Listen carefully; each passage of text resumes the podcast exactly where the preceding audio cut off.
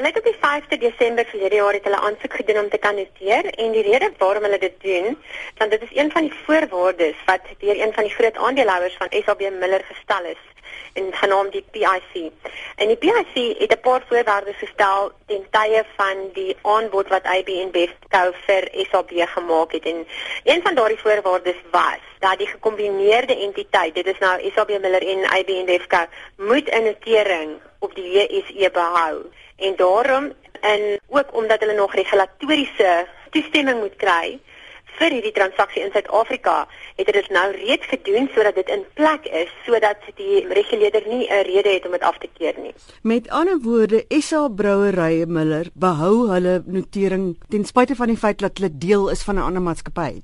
Dis korrek met sê beide die maatskappye langs mekaar basies genoteer wees op ons aandelebeurs vir die oomblik. Sodra al die regulatoriese prosedures afgehandel is en hierdie transaksie 100% goedgekeur is reg oor die wêreld, dan sal SAP Miller se notering in beide Londen en in Johannesburg op die JSE gestaak word en dan sal dit opgeskort word want dan sal dit amptelik deel wees van die nuwe entiteit.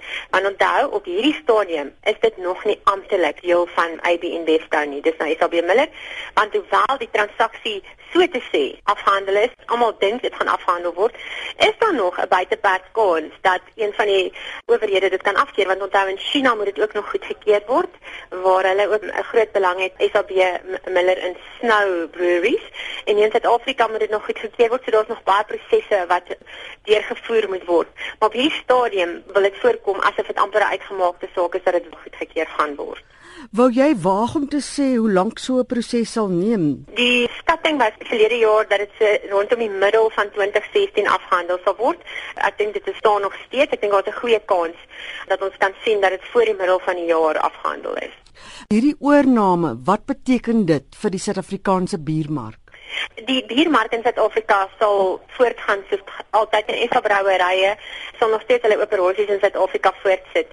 Wat die verskil gaan wees vir Suid-Afrikaners waar jy altyd in Suid-Afrika net kon belê in 'n entiteit met die naam natuurlik SAB Miller, sal jy nou kan belê in 'n maatskappy wat een van die grootstes in die wêreld is een van die sterkste balansstate het. Ek bedoel hierdie transaksie wat plaasvind dit is uh, tussen IBN Bevco en SAB Miller is een van die grootste transaksies in die wêreld. En gister het die Amerikaanse kapitaalmark die plasing van die skuldbriewe wat IBN Bevco gedoen het om hierdie transaksie te finansier met oop arms verwelkom. Dis die tweede grootste plasing wat nog ooit plaasgevind het in die geskiedenis van die kapitaalmark en ek bedoel die kapitaalmark is die grootste mark in die wêreld van Amerika.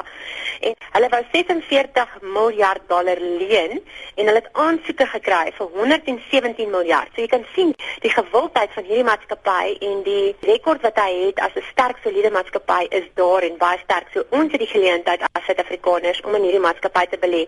Andersins sal so 'n maatskappy definitief nie kom noteer op die JSE nie, want op hierdie oomblik is IBN Bevco genoteer op vier ander markte. Dit is op die Duitse DAX en dan is hy ook in Brasilië genoteer en dan is hy ook in Brussel en in Switserland genoteer. So jy kan sien dit is alles lande wat baie groter en sterk ekonomieë het as Suid-Afrika en jy sal nie sommer so geleentheid kry om in so 'n maatskappy te kan belê nie. SAB Miller, sou mens verwag dat hulle oor die langtermyn werksgeleenthede gaan verloor? Dit is ook deel van die voorwaardes wat die PIC daar gestel het, omdat hulle 'n baie groot aandeelhouer was in SAB Miller en omdat die goedkeuring van die transaksie grootliks ook van hulle afhang het, het hulle voorwaardes gestel. Een van die voorwaardes was ook dat SAB Miller hulle swart ekonomiese bemagtigingsprogramme moet voorsit en ook ander programme wat hulle gehad het om nog werk te skep en uit te brei in Suid-Afrika. En IBN Bevco het ingestem. So dit kan wees oor die lang termyn dat konsolidasie en sentralisering van sekere van die funksies binne in die maatskappy kan moontlik tot werkverliese lei, maar ek dink daar's 'n baie goeie kans dat Suid-Afrika altyd vir hulle 'n goeie plek sal wees om 'n uh, Afrika hoofkwartier te hê, want hier is ook reeds baie bedrywighede hier aan die gang in Suid-Afrika. So ek dink vir die oomblik in die kort tot medium termyn dink ek nie dit sal 'n te negatiewe effek hê vir Suid-Afrika of vir die maatskappy nie of vir werksgeleenthede nie.